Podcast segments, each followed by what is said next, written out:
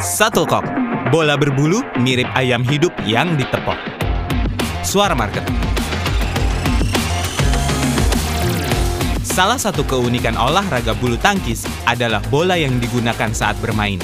Tidak berbentuk bundar atau lonjong, tapi serupa mahkota namun lebih mengerucut dan berbulu. Namanya shuttlecock atau kita sebut cock. Penyebutan shuttlecock terjadi sejak permainan ini berkembang pada abad ke-16 di Inggris.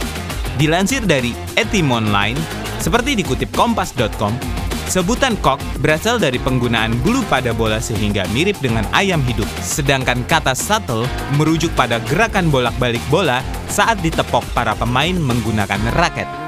Shuttlecock terbuat dari bulu alami dan gabus berbahan serat kayu dari pohon ek atau oak. Menurut Federasi Bulu Tangkis Internasional, jumlah bulu dalam sebuah shuttlecock sebanyak 16 bulu yang melingkar. Seiring perkembangan zaman, bulu pada shuttlecock tidak harus dari binatang seperti ayam atau angsa lagi. Bisa menggunakan bulu buatan berbahan sintetis.